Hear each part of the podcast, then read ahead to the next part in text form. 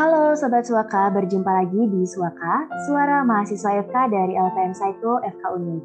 Nah, pada episode kali ini, saya, Carasa, akan menemani Sobat Suaka, tentunya dengan topik informatif dan edukatif yang dikemas semenarik mungkin. Nah, Sobat Suaka, kali ini kita akan membahas sebuah topik yang mencakup paradigma, stigma, dan norma di masyarakat nih yang bisa kita katakan saat ini cukup sensitif. Nah, dari clue tadi, kira-kira Sobat Suaka udah bisa nebak belum nih kita akan membahas soal apa? Yap, podcast Suaka kali ini akan membahas mengenai stigma sosial yang mengkotak-kotakan peran dalam gender yang perlu kita benahi, yaitu kesetaraan gender. Nah, kenapa sih hal ini penting untuk kita bahas di sini? Nah, seperti yang kita ketahui bersama ya, Sobat Suaka, kesetaraan gender itu bahkan sudah digaungkan jauh sebelum kita merdeka, yaitu oleh Raden Ajeng Kartini sejak tahun 1908. Nah, pada saat itu, kesetaraan gender lebih ditekankan pada kesamaan hak yang diperoleh laki-laki dan perempuan dalam bidang pendidikan. Nah, seiring dengan perkembangan budaya nih dan kehidupan sosial ya teman-teman, tuntutan terhadap kesetaraan gender dalam artian kesamaan dalam memperoleh hak-hak manusia nih juga kerap menjadi perdebatan, bahkan beberapa di antaranya nih sering menjadi salah kaprah. Nah, salah satu hal yang menjadi miskonsepsi di masyarakat itu adalah apakah gender dengan jenis kelamin itu sama? Nah, Sobat Suaka, for your information nih, berdasarkan literatur yang sempat aku baca, konsep gender menurut KMK atau Keputusan Menteri Keuangan 807 tahun 2018 nih, Gender itu merupakan peran dan status yang melekat pada laki-laki atau perempuan berdasarkan konstruksi sosial budaya yang dipengaruhi oleh struktur masyarakat yang lebih luas dan dapat berubah sesuai dengan perkembangan zaman. Nah, jadi gender itu bukan berdasarkan perbedaan biologis ya, Sobat Suaka. Nah, banyak juga orang mengartikan atau mencampuri ciri-ciri manusia yang bersifat kodrati nih, yang tidak bisa diubah, dengan yang non-kodrati atau gender itu tadi yang mana bisa berubah dan diubah sepanjang zaman. Nah, perbedaan gender ini juga menjelaskan orang berpikir kembali tentang peran mereka yang sudah melekat baik pada laki-laki maupun perempuan. Nah, untuk mendalami terkait dengan kesetaraan gender nih, podcast Suaka telah menghadirkan seorang narasumber yang ahli di bidangnya, yaitu Bapak David Hizkia Tobing, sarjana psikologi Master Arts. Halo, Pak David, nih kabarnya? Mungkin Bapak boleh kenalan sambil sapa-sapa Sobat Suaka siang, uh, Sobat Suaka. Nama saya David. Saya senang bisa hadir di sini untuk uh, dengan teman-teman. Uh, saya dosen di uh, Prodi Psikologi di Fakultas Kedokteran Universitas Udayana dan minat atau kajian saya di bidang psikologi sosial dan salah satu uh, gender dan teman-temannya merupakan salah satu kajian yang ada di dalam uh, apa namanya ilmu yang saya dalami yaitu di bidang psikologi sosial. Senang bisa bertemu. Semoga hari ini ada insight yang bisa kita dapatkan dari diskusi ini. Terima kasih. Baik, terima kasih Pak David. Mungkin boleh nih Bapak uh, spill-spill dikit. Bapak lagi sibuk apa nih? Uh, dua minggu ini saya isoman, jadi melewatkan banyak hal di luar tapi karena kita masih bisa menjalankannya secara daring uh, saya sibuk apa ya ada ada aktivitas sedikit terkait uh, eh, NGO yang uh, meminta saya untuk menjadi konsultan. Dia mereka lagi ngambil data di Bali dan isunya tentang uh, pengambilan datanya tentang eksploitasi pada uh, anak. Uh, jadi uh, saya ikut terlibat dalamnya sebagai konsultan untuk pengambilan datanya di Bali. Gitu kak Waduh, luar biasa ya Pak David. Oke, jadi sebelumnya saya berterima kasih nih karena Bapak sudah berkenan untuk turut pada podcast kali ini. Nah, jadi podcast kali ini Pak akan membahas mengenai gender equality atau kesetaraan gender. Namun sebelum kita masuk ke topik yang lebih mendalam nih Pak, um, jujur saya pengen tahu lebih dalam nih mungkin Sobat Suaka juga mengenai soal perbedaan seks dan gender. Karena tadi kan itu berdasarkan literatur ya. Jadi mungkin boleh nih Bapak sebagai ahlinya menjelaskan panjang nih ceritanya mau seks dan gender ya. Kita mulai dari definisi tentang uh, pengertian tentang seks dulu ya. Seks itu kan kalau sederhananya kalau di di paspor ini kan kalau bicara seks itu kan berbicara jenis kelamin male or female gitu ya. kalau di pengertiannya itu di kajian cross cultural psychology, uh, seks itu didefinisikan sederhananya sebagai untuk membedakan antara uh, definisi biologis dan fisiologis laki-laki dan perempuan. Itu dulu. Ini kaitannya dengan anatomi dan sistem reproduksi. Itu itu, itu seks. Jadi kalau di Indonesia itu kalau udah berbicara berbau tentang seks anak apa namanya konotasinya selalu negatif ya padahal padahal belum tentu atau tidak mesti gitu ya jadi seks itu sederhananya didefinisikan untuk mendefinisikan perbedaan anatomi dan sistem reproduksi lalu ada sex roles yang kedua sex role itu ya kemudian nah dengan laki-laki dan perempuan kamu itu harus bertindak dan perilaku seperti itu. Aktivitasnya misalnya misalnya ini. Ya perempuan karena dia dengan organ yang dimilikinya dia kemudian uh, melahirkan dan dia di diemban dia punya beban atau punya tugas untuk menyusui gitu ya lalu makanya kemudian buat para ibu-ibu muda yang mohon maaf dia tidak bisa menyusui dengan dengan lancar mungkin asinya tidak keluar karena berbagai macam faktor sehingga harus menggunakan susu formula dia merasa sedih. Nah sedihnya itu kenapa? Karena sex rules-nya itu tidak berfungsi dengan baik. Nah, sederhananya begitu tentang seks dulu ya. Uh, kita ber, beranjak ke ke gender. Gender itu tadi yang seperti uh, kak Cok katakan ya uh, pola atau perilaku dan aktivitas yang yang tepat yang sesuai untuk kodratnya sebagai laki-laki dan perempuan misalnya saja uh, kakak masih kecil itu manjat-manjat, manjat-manjat pohon, pohon jambu atau pohon apa gitu disuruh turun, disuruh turun sama ibunya atau ajinya. Eh jangan, kamu kayak anak cowok aja. Nah, pernah ya kayak gitu ya. Kamu kayak anak cowok aja. Nah, itu udah salah satu bentuk bagaimana kemudian kita sudah didesain, dibentuk dari sananya sesuai dengan pandangan sosial dan budaya kita. Belum lagi misalnya ada ibu, kalau kalau kakak pernah ke bank atau ke institusi tertentu, mohon maaf, ada security yang perempuan, ibu-ibu. Pernah? Buka buka pintu gitu, dibukain pintu tuh ada kita lihat security tapi dia kok ibu-ibu, ibu-ibu kok satpam gitu dalam hati kita. Karena kita nggak sesuai dengan desain uh, gender roles yang yang yang yang didesain seperti seperti dari dari sananya sudah seperti itu. Belum lagi misalnya ada bapak-bapak, eh bapakmu kerja apa? Bapakku sekretaris. Bapakku sekretaris di kantor A. Apa yang ada dalam benaknya kita. Nah, kita mulai bertanya, kok dia sekretaris, dia kan laki-laki. Nah, itu karena sudah didasari dengan pandangan uh, sosial. Jadi di gender itu kajiannya banyak. Nanti ada gender stereotype, lalu ada gender uh, ada gender rules dan dan dan seterusnya. Kajiannya banyak itu ber, uh, berbicara tentang berbagai macam uh, pandangan tentang gender di berbagai macam budaya. Tapi paling tidak uh, ada hal terakhir yang bisa saya jelaskan untuk pengantar, ada namanya gender role, kemampuan individu untuk mengadopsi berbagai perilaku gender di budaya mereka secara fleksibel. Gender role, kemampuan seseorang untuk mengadopsi perilaku gendernya itu menjadi penting.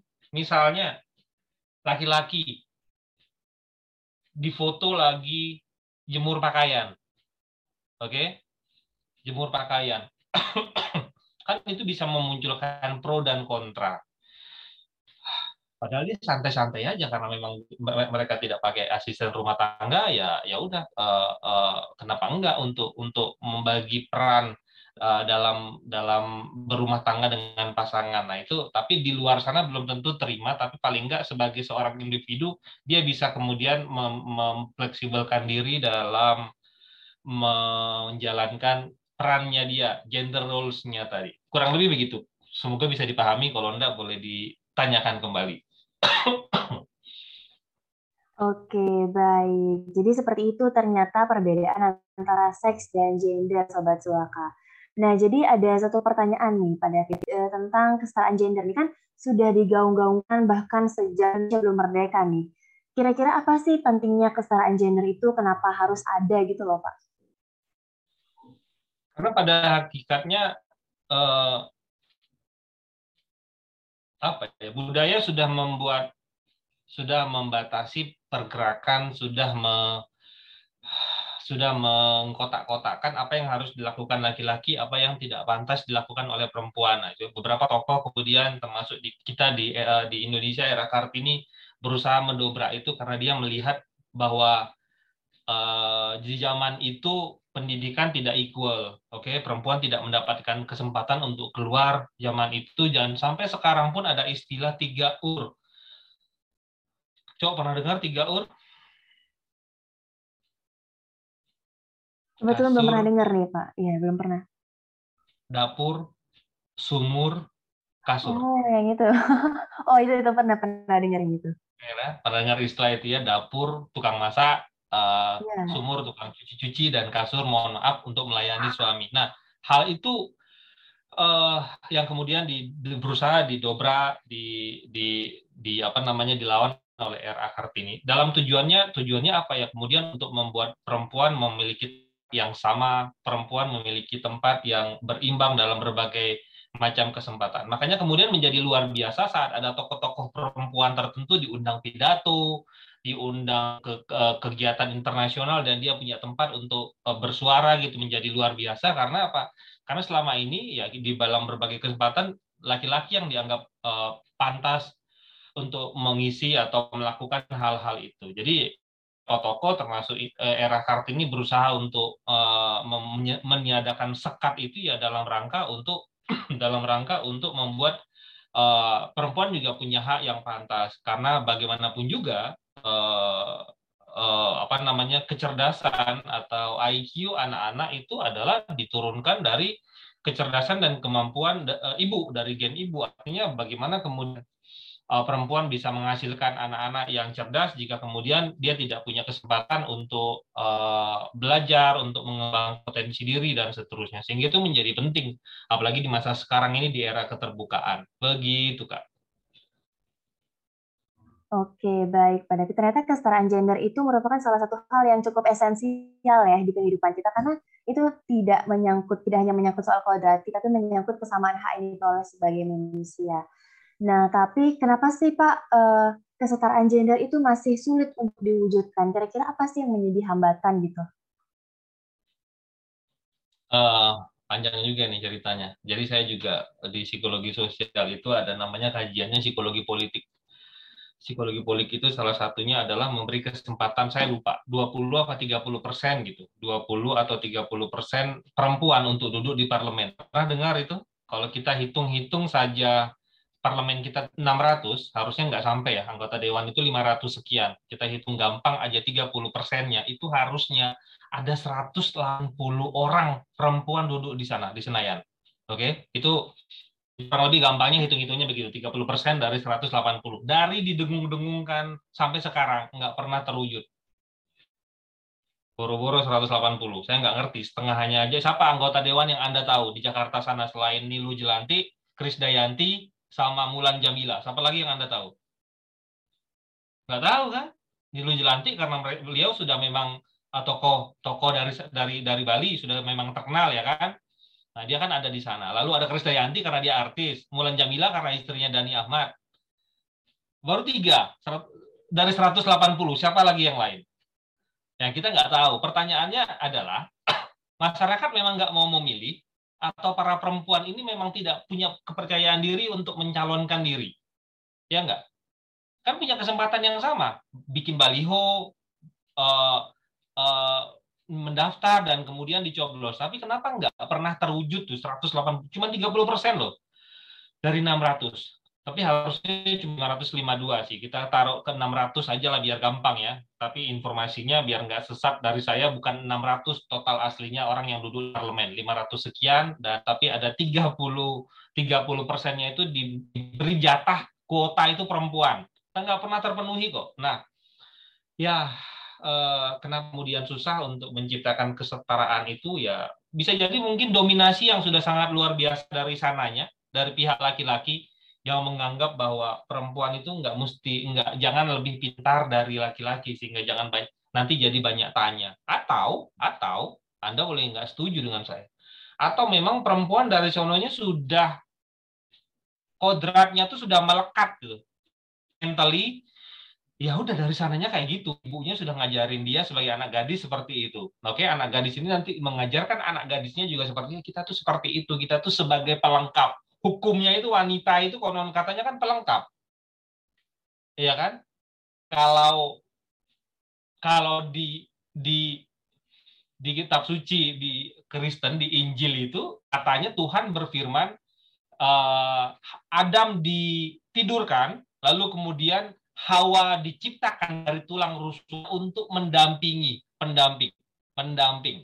Oke nah kita nggak dalam rangka untuk mendebatkan ayat-ayat. Saya nggak suka berbicara agama, tapi berbicara terminologi pendamping itu tadi yang kemudian mungkin diadop menjadi pendamping namanya juga pelengkap. Berarti namanya pelengkap nggak mesti harus dominan dari yang dilengkapi dong. Mungkin seperti itu ya mungkin. Jadi pada prinsipnya ya ada dua hal yang bisa berusaha menjawab kenapa kemudian sulit untuk mewujudkan kesetaraan itu. Ya karena uh, memang dari sana laki-laki berusaha untuk lebih mendominasi, menghilangkan kesempatan-kesempatan, atau memang yang kedua si kelompok perempuan itu sendiri merasa ya tidak tidak apa namanya ya, jangan sampai kemudian dia lebih menonjol uh, lebih menonjol dari sang suami atau dari kelompok laki-laki. Ya, dua hal itu yang kemudian mungkin akan akan bisa menjawab menurut saya. Begitu. Oke, dari pernyataan Pak David tadi menyebut soal bahwa eh, kebanyakan kehidupan sosial dan kehidupan budaya itu didominasi oleh laki-laki dan mengenai dua hambatan tadi, dua hambatan tadi. Nah, kira-kira eh, apa sih pengaruh dari diskriminasi gender itu, terutama untuk perempuan nih, ter, eh, berhubung dengan kesehatan mental seseorang? Seperti itu, Pak David. Mungkin bagaimana itu ya penjelasannya? Maaf, agak putus-putus. Uh, arahnya uh, gimana tadi kok ke kesehatan mental? Maaf iya, perihal dengan uh, gimana sih pengaruh diskriminasi gender itu terhadap kesehatan mental seseorang seperti itu Pak David. Oke, pengaruhnya. Uh, saya nanya ke kakak nih, kalau sudah lulus mau bekerja di bidang apa? Tetap di kesehatan, kurang lebih buka praktik nanti atau di rumah sakit mungkin. Oke. Saya punya banyak mahasiswa alumni, dia udah ambil S1 psikologi di Udayana, dia ngambil S2 di luar karena kami belum punya S2 profesi psikologi di Udayana, mereka ngambil di UNER, di mana, di mana gitu. Lalu pulang, udah jadi psikolog nih, gelarnya udah panjang. Lalu kemudian nikah. Nikah dan e, tinggal di rumah mertua dan seterusnya ngempu e, baru mau berkarir, punya anak lagi dan harus ngayah dan seterusnya dan seterusnya dengan kesibukan layaknya seorang e, wanita Bali. Oke. Okay? Tidak ada yang salah sama itu. Yang jadi persoalan adalah dia sudah merasa memiliki gelar yang panjang, eh, pendidikan yang tinggi dan dia ngerasa tidak berguna atau tidak bermanfaat. Mulailah di situ tadi kaitannya dengan karena berbicara tentang kesehatan mental, mulailah di situ dia ngerasa kayaknya ibu-ibu kayak ibu-ibu pada kebanyakan pakai daster di rumah dan dia ngerasa tidak dihargai. Mulailah uh, lack of self esteem bahasa psikologinya. Apa namanya? Mi apa namanya? Rendah di uh, minder. Tahu minder ya? Lack of self esteem itu minder. Nah mulai dia merasa minder. Teman-teman alumni uh, ngajak kumpul dia nggak mau karena nggak kerja dan seterusnya dan gitu. Jadi kaitannya dengan diskriminasi dan arahnya uh, uh, kesehatan mental itu sendiri ya kalau dia nggak disupport kalau dia tidak dihargai tidak di tidak ditempatkan di sebagaimana mestinya cuma tiga ur itu tadi ya bisa jadi ya kemudian memunculkan rendah diri, memunculkan depresi, memunculkan uh, apa namanya uh, uh, menumpulkan memunculkan perasaan tidak dihargai dan seterusnya. Jadi ya arahnya adalah ke sana. Kalau di zaman sekarang biasanya kan kalau laki-lakinya juga support ya, support dalam arti tereduket, lalu keluarga laki-laki juga support bekerja gitu ya, tidak yang konvensional sekali. Biasanya sih sudah lebih ke memberi kesempatan pada istri untuk berkarir, bekerja, untuk kemudian me, mengejar mimpi-mimpinya gitu. Tapi kalau arahnya adalah kalau didiskriminasi jadinya gimana ya biasanya kehilangan motivasi, kehilangan uh, gairah untuk uh, mengembangkan potensi dirinya, kehilangan uh, tadi itu jadi jadi kehilangan harga diri, jadi minder dan seterusnya. Biasanya sih seperti itu. Oke, terkait dengan hal tersebut ya Pak David ya. Jadi korban kesetaraan gender bisalah kita uh, bilang itu kebanyakan perempuan kan ya. Nah, kadang nih saya kan main TikTok ya Pak ya Jadi kadang gaungan kesetaraan gender itu justru dijadiin senjata nih buat kaum-kaum perempuan yang merasa dirinya terancam. Nah, eh, banyak di antaranya itu terjadi miskonsepsi juga tentang kesetaraan gender, misalnya feminisme seperti itu, atau juga ada namanya double standard. Bisa lihat di TikTok juga. Itu gimana ya, Pak ya? Double standard itu gimana, Kak? Oke, jadi uh, misalnya uh, dia seperti uh, kenapa sih perempuan dikasih tempat duduk uh, yang berbeda dengan laki-laki seperti itu. Seperti ada tempat yang menspesialkan perempuan atau misalnya uh, kita sama-sama sehat, ada perempuan dan laki-laki sama-sama sehat, tapi perempuan tuh merasa dirinya terancam kenapa saya nggak dikasih itu tempat duduk padahal saya kan perempuan padahal uh, saya itu tidak dengan keadaan yang hamil atau tidak dengan keadaan yang sedang sakit atau membutuhkan seperti itu double standard yang saya baca sih di internet. Oke double standar ya. Uh, kalau di kalau di kereta api di, di, di Jabodetabek itu ada satu gerbang paling depan, itu gerbangnya itu warna pink. Warnanya aja udah dibedain. Jadi kalau cowok masuk ke situ pasti udah dilirik-lirik gitu ya. Nah, paling enggak uh, Nah, saya agak bingung juga dengan kasus uh, gerbong ini. Kalau Anda sebagai wanita merasa senang nggak diperhatikan begitu?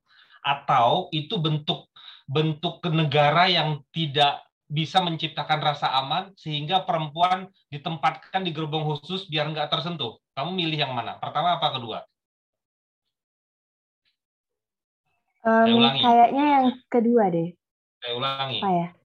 Oke. Okay. Begitu perhatiannya negara sama kalian sehingga ditempatin tempat khusus yang pink yang unyu-unyu ditempatin tuh di depan biar aman biar cepat keluar dan seterusnya. Yang kedua saking tidak sanggupnya negara untuk membuat laki-laki itu berperilaku sopan tidak mohon maaf tidak gesek-gesek kelaminnya di tempat yang berdesakan gitu-gitu kan kejadiannya di Jakarta kan kayak gitu. Uh, karena tidak siapnya mereka tidak sanggupnya mereka menciptakan rasa aman sehingga ditaruhlah di tempat khusus biar negara nggak terlalu ribet. Lebih pertama atau yang kedua Uh, kalau menurut saya lebih ke yang nomor dua ya Pak David, kurang lebih nah, seperti itu. Yang nomor uh. dua ya, karena ada anggapan itu tadi laki-laki mendominasi perempuan itu banyak orang dengan berbagai macam ketidakberesan di otaknya dalam rangka dalam arti dia tidak sekolah, tidak belajar dan sangat uh, tidak teredukit dengan baik. Banyak orang yang beranggapan perempuan itu adalah objek. Oke, okay? kamu boleh di sini kita nggak sepakat, tapi itu yang saya baca, itu yang saya pahami di buku kriminologi dan cross cultural psychology. Perempuan itu adalah objek. Objek itu dalam arti ya saat saya ngerasa saya butuh dilampiaskan, saya objek tertentu. Oh ini ibu nggak nggak kelihatan galak kok. Aku gesek-gesek lah, aku pepet-pepet, aku dekat-dekatin di kereta seperti itu. Nah itu yang terjadi. Banyak hal terjadi seperti itu sehingga ada gerbong khusus gerbong perempuan dan tapi pada feminis-feminis garis keras yang ingin memperjuangkan kesetaraan itu dia nggak cocok. Dia ngerasa kok kami harus dibedain? Harusnya kami itu uh, disamain. Jadi negara ini nggak nggak siap nih dan seterusnya. Sehingga dia nggak mau di gerbong yang pink ini. Dia di tempat gerbong berbaur dengan yang lain. Makanya ada double standar tadi. Menghadapi double standar ini ya Ya artinya, artinya dengan berbagai macam risiko yang dia alami di gerbang depan kosong, tapi dia ke gerbong lain untuk berdiri di sana, untuk mencari tempat dengan laki-laki lain dan segala macam, pun seandainya, seandainya ada hal ketidaknyamanan yang dia alami, dia harus fight, dia harus bukan menerima ya, tapi harus fight dalam arti teriak atau mengadu ke ke petugas kereta dan seterusnya. Jadi ya menurut saya kalau memang ada orang-orang yang um, merasa double standar tadi, aku nggak sakit kok disediain uh, kursi dan segala macam, artinya dia dia memang berpikir bahwa dia dia perempuan yang tidak harus di di uh, spesialkan. Misalnya Gojek, Gojek itu memberi Gojek itu punya driver yang perempuan. Oke, okay? artinya Anda Anda nggak nyaman nih pakai saya sebagai driver Gojek, Anda bisa request di situ khusus pengen nyari driver female. Oke, okay? Satu waktu saya mau ke bandara, buru-buru saya nggak ngerti, lalala, dapat drivernya itu perempuan. Hmm, dari Batu Bulan ke bandara, masa nggak pegangan? Ya nggak? Iya dong, pegel kan? Masa pegang besi belakang aja gitu. Lalu saya bilang gini, Ibu, ini mohon maaf Bu ya, saya tuh bawa carrier apa namanya uh, ransel. Saya bawa ransel. dan saya ini kita kan jauh nih sampai bandara. Ibu boleh nggak saya pegang ininya apa namanya nih shoulder nggak uh, bahu boleh nggak ibu pegang saya pegang bahunya nah saya berusaha untuk menempatkan diri bahwa saya itu memegang tidak dalam rangka untuk melecehkan atau melakukan hal yang tidak pantas. Saya tanya, ibu boleh nggak saya pegang? Bagian tubuh ibu mana yang boleh saya pegang, ibu? Gitu kan?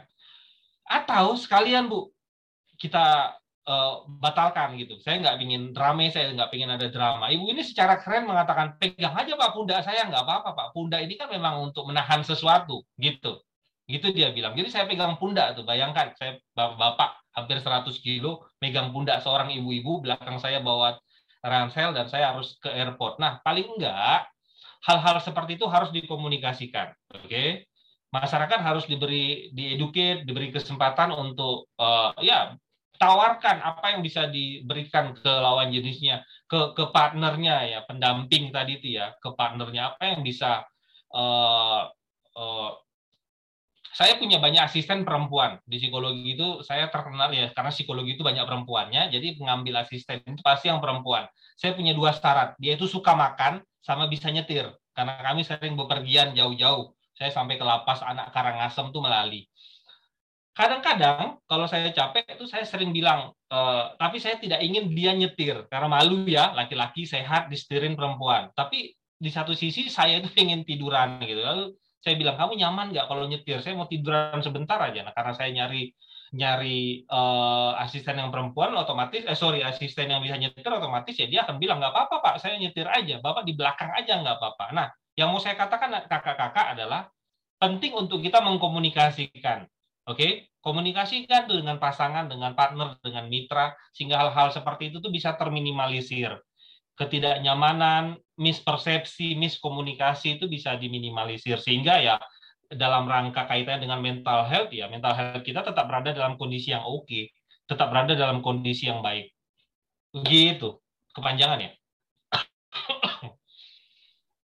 Enggak, pada titik Uh, jadi jawaban dari Pak David tadi itu sekaligus juga sudah menjawab nih, sudah memberikan kita pencerahan tentang gimana sih cara kita membangun lingkungan yang sadar akan kesetaraan gender, yaitu dengan cara dikomunikasikan.